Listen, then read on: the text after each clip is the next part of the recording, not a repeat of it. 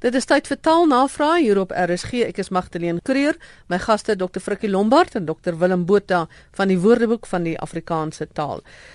Willem, ons begin by jou. Lukas Badenhorst het 'n voorstel vir 'n Afrikaanse ekwivalent vir free range. Dis nou soos in die free range biltong of hoenders. Ja, hy sê een van sy kollegas maak die voorstel van vrywy. Dan praat ons van vrywy beesvleis en vrywy eiers en so en ek het 'n bietjie gaan ondersoek instel op die internet gaan rondsoek en uh, dit lyk my na 'n redelik gevestigde term. Veral in Namibië gebruik die koerant die Republikein dit en ek het ook dit in ander uh, ander webwerwe gekry en dit lyk vir my nogal na 'n fonds. Vrywy vleis, vrywy beesvleis, die vrywy konsep, vrywy produsente, vrywy eiers, vrywy voorstanders net by hoenders voel ek ons het reeds die die bestaande term skrophoenders of werfhoenders. Ja, dit lyk vir my uh, in die geheel egter na 'n baie goeie voorstel. Vrywy varkboerdery, dit lyk my die spelling is dan uh vrywy een woord geskryf of vrywy met 'n koppelteken en dan die meeste lyk my is die vleis of die beesvleis dan heel los, maar ons kan later daaroor gesels frik ek weet nie hoe jy voel nie. Vrywy Vrylopend want dit is soos ek dit maar ken, vrylopende hoenders. Jy kan sê vrylopend. Hmm. Ek wil ook net maar ek is eers uh, aan die bespiegel oor hoe om die vrywy te gebruik. Ek dink jy kan hom seker maar los skryf van die daarop volgende uh, selfstandige naamwoord. Ja, maar sal jy ooit sê sê maar die die beeste is vrywy? Nee. Nee, maar dit, dit lyk my meer jy kry hom net predikatief vrywy beesvleis. Goed Frikkie, Dawie Lou wil hê dat ons moet gesels oor die verwarring tussen gebruik en verbruik en dan ook tussen te danke en te wyte. Nou die eerste een dink ek is so bietjie moeiliker as die tweede een. Daar is verwarring en in baie woordeboeke word gebruik ook as verbruik aangedui of daar by een van die betekenisse word by gebruik word verbruik ook as sinoniem gegee. Dit is omdat daar 'n effense verwarring is en omdat mense nie meer so presies artikuleer nie as vroeër nie dink ek. Nou jy kan sê die water word vir drinkwater gebruik. Met ander woorde eintlik gereserveer vir drinkwater. Baie word gebruik deur padgebruikers. Hulle is nie padverbruikers nie. Maar 'n meter kan die verbruik van elektrisiteit aandui. Verbruik beteken om deur gebruik iets op te gebruik, soos verbruikersgoedere of dit laat afneem in hoeveelheid. Dit is veral verbruik teenoor gebruik. Gebruik is net wat jy gewoonweg elke dag ehm uh, gebruik 'n doek sê maar om af te droog of 'n waslap om jou mee te was, maar die motor se verbruik is te hoog. Dit is die petrol wat hy gebruik dan as dit ware en wat hy opgebruik. Dan beteken dit verbruik. Nou oor te danke en te wyte is daar ook maar taamlike groot verwarring en daar's eintlik 'n maklike manier wat 'n mens kan onderskei. Te danke kan ons eintlik voer na dankie toe en dit is altyd positief. Met ander woorde wanneer iets positief is dan sê ons dis te danke sê maar aan die hardwerkendheid van sy pa dat hy die hele gesin kon versorg deur al die jare. Terwyl te wyte kan ons in verband bring met wyd of verwyd wat altyd min of meer negatief is. Ons kry dan ook die onderbou van 'n uh, Nederlands, hulle praat van die werkwoord wyten wat beteken iemand ten laste lê en eh, heel interessant die etimologie gaan eintlik terug na wreek of bestraf. Mense moet dus net onthou dat te danke is positief, te wyte is negatief. Dis te wyte aan sy siekte toestand of aan sy liggaamlike kwaal of aan haar fout of wat ook al die geval mag wees, maar dis te danke ek dan kan jy sê ek is dankbaar daaroor vir die harde werk wat gedoen is of wat ook al die geval mag wees. Dis dis dan redelik maklik om uit mekaar te hou as jy danke by dankie uitbring en wyd by verwyd of sommer net wyd. Willem hier is 'n vraag van Magdalene van Auckland Park. So rukkie terug in die einde van September se een nuusbrief het ek vir die mense verduidelik hoekom ek nuusbulletin spel soos wat ek hom spel, naamlik N U U S B O E L E T I E N soos met hom uitspreek. Uh mense kan gerus weer gaan kyk na die klein videoetjie daar waar ek verduidelik en dan ook 'n stukkie wat geskryf is daar. Maar wat is julle twee taalmanne se opinie oor bulletin soos wat mense hom gewoonlik spel B U L L E T I N of dan nou soos ek hom spel B O E L E T I E N. Ja, Magdalene, eh, ek en Frik het daaroor gesels. Eh, nie een van ons het al die bulletin of in die Afrikaanse vorm gesien nie. Toevallig nou nog nie dit gesien nie. Ek het bietjie gaan soek in in ons bronne. Hy verskyn wel in Faros, 'n tweetalige woordeboek in die Afrikaans met die Afrikaans vir Afrikaanse spelling B O E L E T I E N en ook in die verklarende Afrikaanse woordeboek toe ek gaan soek in die koerante van die afgelope 25 jaar en ek het net een voorbeeld van bulletin in die Afrikaanse vorm gekry en dis juis in 'n rubriek van Johan Kombrink waar hy gesels oor wisselforme en waar hy dan mooi uiteensit hoekom hy verkies om bulletin uh, in die Afrikaanse vorm te gebruik maar interessant genoeg toe Johan Kombrink voorsitter was van die spelkommissie het die AWS in 1991 wel die Afrikaanse vorm bulletin opgeneem. Maar daarna in die volgende Afrikaanse woordelys en spelreëls, die AWS, is dit nie opgeneem nie. Wat beteken dit dat hulle toe van oordeel was dat die Afrikaanse vorm nie 'n erkende gevestigde vorm in daardie stadium was nie? Nou moet ek ook sê dat handwoordeboeke soos die verklarende Afrikaanse woordeboek neem soms 'n vorm op en dan oor 10 jaar as die die handwoordeboek hersien word en hulle vind dat daai vorm nie gevestig geraak het in die tyd nie dan haal hulle dit weer uit. Nou dit mag met bulletin in Suid-Afrikaanse vorm gebeur het. Ek gee gou net uh, Johan Kombrink se se standpunt hieroor. Hy sê as hy moet kies tussen verskillende wisselforme, dan kies hy altyd die kortste vorm. As hy moet kies tussen diabetes en diabetikus, dan kies hy diabetes. Tussen skryf en skrywe, kies hy skryf altyd die kortste. En tweedens sê kies hy altyd die eg Afrikaanse spelling teenoor die vreemde spelling soos in bulletin.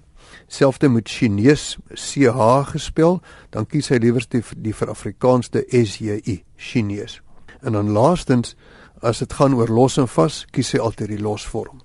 Maar goed, dit is dit is die hele uh, argument uh, wat Johan Kombrink gebruik hoekom hy die vir Afrikaanse vorm gebruik. So in hierdie geval lyk dit vir my of as jy kyk bloot na gebruik in ingeskrewe bronne of die vir Afrikaanse vorm nie regtig inslag gevind het nie of dit nie regtig gevestig geraak het nie. Interessant genoeg, die bulletin op die vreemde spelwyse kry ons net so uit Nederlands en hulle kry dit uit Frans bulletin of bulletin, uit Italiaans bulletino wat die verkleinwoord is van bolla en bolla is 'n oorkonde en dit kom uit die Latyn bulla ook met die betekenis van oorkonde. So Magdalene, dit gaan hier oor 'n keuse tussen 'n Afrikaanse vorm en die oorspronklike vorm van die leenwoord in hierdie getal. Albei gevalle spreek dit natuurlik uit as bulletin en dis jou vrye reg dink ek om die Afrikaanse vorm te kies. Maar as jy kyk na die afgelope 25 jaar het hy nie gevestig geraak in Afrikaans nie en was professor Kombrink uh, eintlik die enigste voorstander van die vir Afrikaanse vorm alhoewel twee woordeboeke wel daardie voorbeeld gevolg het. Dis professor Kombrink en Magdalene Kreer. ja. ja. Ek kom sê net wat my redenasie is oor die vir Afrikaanse uh, spelling van ja. woorde. As jy kyk, die woordeboeke is vol daarvan. Dit is al hoe meer 'n tendens ook. As jy kyk na chips, mm. as jy kyk na chops, ja. China wat jy uh, genoem het, as jy kyk na Uganda, as jy kyk na breakfast, dis alles woorde wat die spelling vir Afrikaans het. Dan is my vraag nou maar goed, hoekom nie ook bulletin nie? Nou soos julle aangedui het, dit is nie verkeerd nie, maar dit is net nie 'n hoë gebruiksfrekwensie nie. Ja, dit het nie spontaan of vrywillig sommer net gebeur nie. Sien, dit is al dit, dit is net die eienaardigheid dat dit het nie gebeur nie. Ja, maar jy's welkom om te probeer, maar dit het nooit gebeur onder die meerderheidssprekers ja, nie. Ek dink wat jy sê is is heeltemal reg, Magdalene. Uh hoekom sal ons byvoorbeeld chops skryf soos ons weet uh, ons pas dit aan. Ons maak dit 'n T T J chops. Ons vir Afrikaans dit, maar sekere ander goed stoei ons 'n bietjie. Hoekom wil ons dit vir Afrikaans hê? Daar's uh, ek het nie gereedelike antwoord daarop nie. Al wat ek vir jou kan sê wat ek miskien kan doen is volgende week sit die taalkommissie en dan kan ek hierdie saak miskien net weer aanroer en net hoor wat die kollegas hoe hulle daaroor voel en wat hulle daaroor dink. 'n Woord wat nou vinnig by my ehm um, te binne skiet is boelie beef. wat nou nader aan bulletin is. Mm. Ja. Daar het is ons dit tog ook vir Afrikaans en dit is word so gebruik in die media en dis ook in die woordeboek. So. Weet jy wat Magdalene lyk dit vir my as ek kyk na die patroon. Dit lyk vir my die Engelse woorde is ons geneig om makliker te vir Afrikaans, maar 'n Franse leenwoord of 'n Nederlandse leenwoord soos Mm. mm. bulletin, daar doen ons dit nie. So dit lyk vir my die tendens is meer om die Engelse woorde vir Afrikaans en as 'n woord uit Nederlands of Frans geleen is, dan behou ons dit. Ons is meer gewillig om dit te behou. Mm. Wat my Maar- bring by 'n ander ding wat ek net dink ons een of ander tyd oor moet gesels. Mm. En dit is nou uh, ek is bly jy raak dit nou aan. Dis hierdie kwessie van dat ons in Afrikaans enige iets wat Engels is, mm. verander ons want dit moet tog asseblief Net net nie met die Engels Engels trek nie, maar ons as dit uit Frans of Nederlands of Latyns kom, dan is ons happy. Ja. Dan is ons Ja. tevrede. Ja, dit is iets waaroor mense kan gesels. Die ding is, jy weet, party van die goeder sê ons ja, maar dit staan in Nederlands. Maar ons het dit nie nood, ons het dit nie noodwendig aan Nederlands ontleen nie. Hmm. Ons het dit in Engels leer ken. Nie in Neder uit Nederlands uit miskien nie. So bulletin kan miskien een van daai voorbeelde wees, maar ek het byvoorbeeld nie as ek nie leeswerk sou doen nie, dan het ek nie besef dit kom uit Nederlands nie. Ek sou aanvaar dit kom uit Engels en dat ons dit uit Engels uit gekry het. Ja, ek sit nou en dink daar is tog sommige Franse leenwoorde soos restaurant, nê, nee, wat is ook al 'n Afrikaanse wisselvorm het met OE en nie AE nie. Inderdaad. Ja, ek gebruik ook daar restaurant met die OU en baie keer het mense dit al gekorrigeer. Ja. Goed Frikkie, ons beweeg aan na jou toe. Jaco Wolmerins vra of die groet goeiemiddag nie eerder goeie namiddag moet wees nie. Ja, want Jaco sê uh, my middag is mos in die middel van die dag en daarom moet dit nou eintlik miskien goeie namiddag wees. Nou Jaco, dit is daarom baie sterk ingeburger uh hierdie groet en 'n mens moet miskien maar net in gedagte hou dat middag natuurlik kan beteken 12 uur in die dag, maar dit kan meer wees as dit. Dit is ook die tyd tussen 12 uur en sê maar 6 uur of selfs bietjie later afhangende van die hoeveelheid lig wat nog beskikbaar is. En goeiemôre, goeienaand en goeiemiddag is baie gebruiklik. Ons kan selfs bietjie minder formeel wees deur te sê môre, vanaand of middag en as 'n mens nou regtig gemoedelik wil raak, dan sê jy dan kan jy nog sê bysit soos môre sê of middag sê of naand sê, maar ek dink nie goeie namiddag sal inslag vind nie. Willem van die Du Plessis wil weet wat word die kleintjies van 'n vark genoem? Ja, hy vra dit na aanleiding van 'n vraag in 'n van 'n spelkompetisie wat op kyknet uh, gebeeldsend word en die antwoord was daar 'n drag uh varkies. En nou sê hy maar hy het self met varke geboer in die agterperel. Toe het hulle altyd gepraat van 'n werpsel varkies. Nou ek het bietjie gaan rondkyk. Daar is wel een woordeboek, weer die verklarende Afrikaanse woordeboek wat as 'n vierde betekenis die volgende aandui 'n aantal kleintjies in een geboorte. So dis nie spesifiek 'n vark nie, dit is die aantal kleintjies in een geboorte. Maar die gebruik van drag vir die kleintjies wat saamgebore is, kry ek nêrens anders in die koerante of in ander bronne nie. Maar ek kan sien waar dit vandaan kom want in die WAT, die Woordeboek van Afrikaanse Taal, het ons as 'n derde betekenis by drag swangerskap by 'n vrou of vroulike dier. So dan dit die resultaat van daardie drag kan jy dan seker ook die drag noem. So dis regtig die oordragtelike betekenis, jy dra die betekenis oor. Maar ehm um, jy weet die feit dat iets in 'n woordeboek aangeteken staan is nie altyd bewys daarvan dat die woord baie gebruiklik is nie. So ek dink eh, die algemene benaming is maar 'n werpsel varkies. Frikkie, Dominee Dani Melan wil weet wat die herkoms is van die woord sjabloon en ook 'n ander vraag wanneer die woord stensel bestaansreg verkry het. Ja, hy vra ook, miskien kan ek net vinnig uh, verder sê hy sê ook die lelike woord heidiglik wat hy hoor in 'n onderhoud en dit pla hom. Nou ja, dit pla my ook, Dominee.